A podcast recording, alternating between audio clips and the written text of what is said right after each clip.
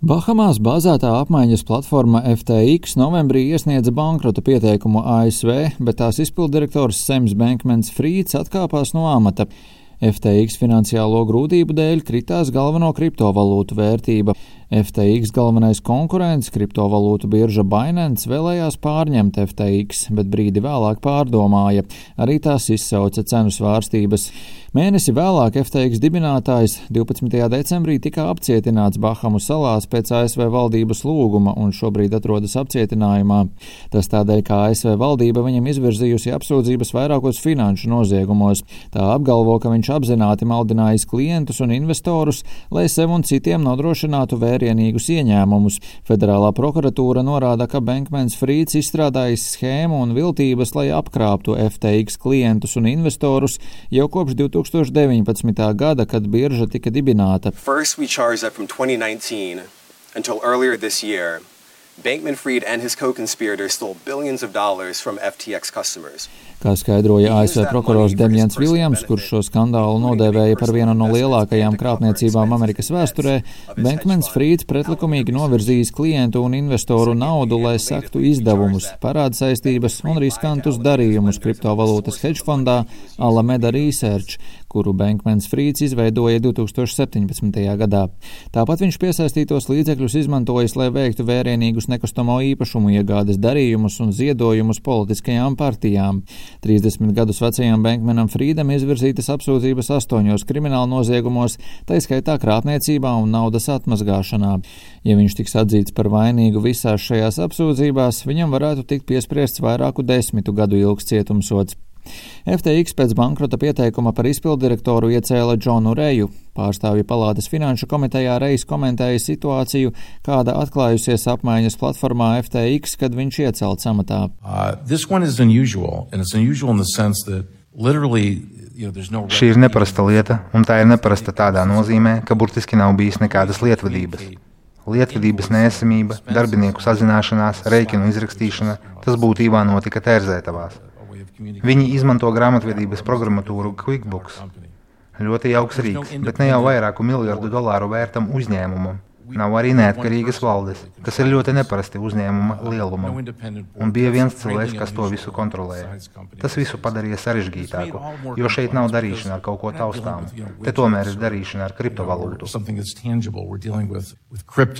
Tomēr kopumā šī lieta nesot īpaši atšķirīga no citām nelikumībām, kurās citu līdzekļi tiek izmantoti savtīgos nolūkos. Vienīgi šajā gadījumā ir runa par kriptovalūtu.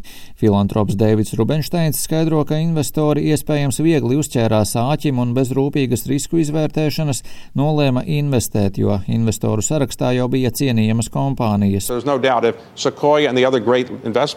Nav šaubu, ka Sekoja un citas ievērojamas investīciju firmas jau bija ielēkuši šajā piedzīvojumā. Tad visticamāk, ja esi maza kompānija, tev nebūs laika izsvērt riskus un tu spēlēs līdzi.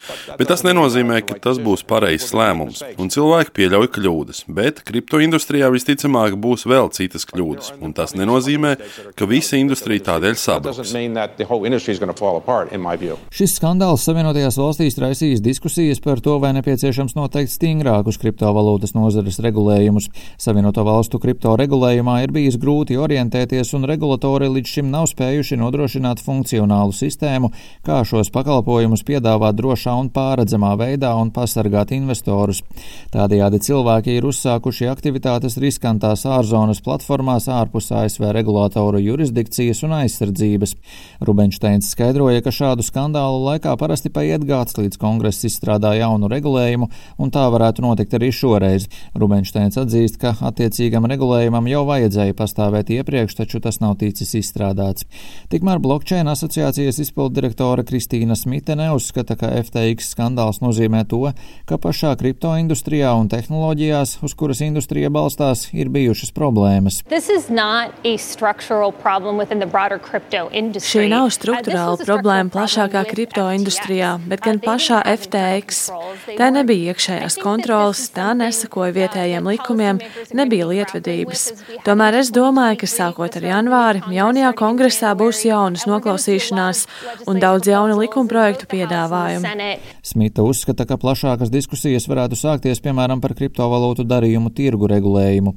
Tikmēr pārstāvju palātas finanšu pakāpienu pakalpojumu komitejas likumdevējiem ir atšķirīgi viedokļi par to, kurai federālajai aģentūrai vajadzētu pāraudzīt kriptovalūtu nozari. Smita norāda, ka FTX bija bāzēta Bahamās, tādēļ Savienotajām valstīm par attiecīgajā valstī esošo regulatoru nebija teikšana. Viņa gan uzskata, ka Savienotās valstis ar savu piemēru, izstrādājot labāku regulējumu, varētu izmainīt arī ārvalstīs esošo regulatoru darbību, tādējādi nozare tiktu uzraudzīta labāk globāli. Rihards Plūme, Latvijas radio.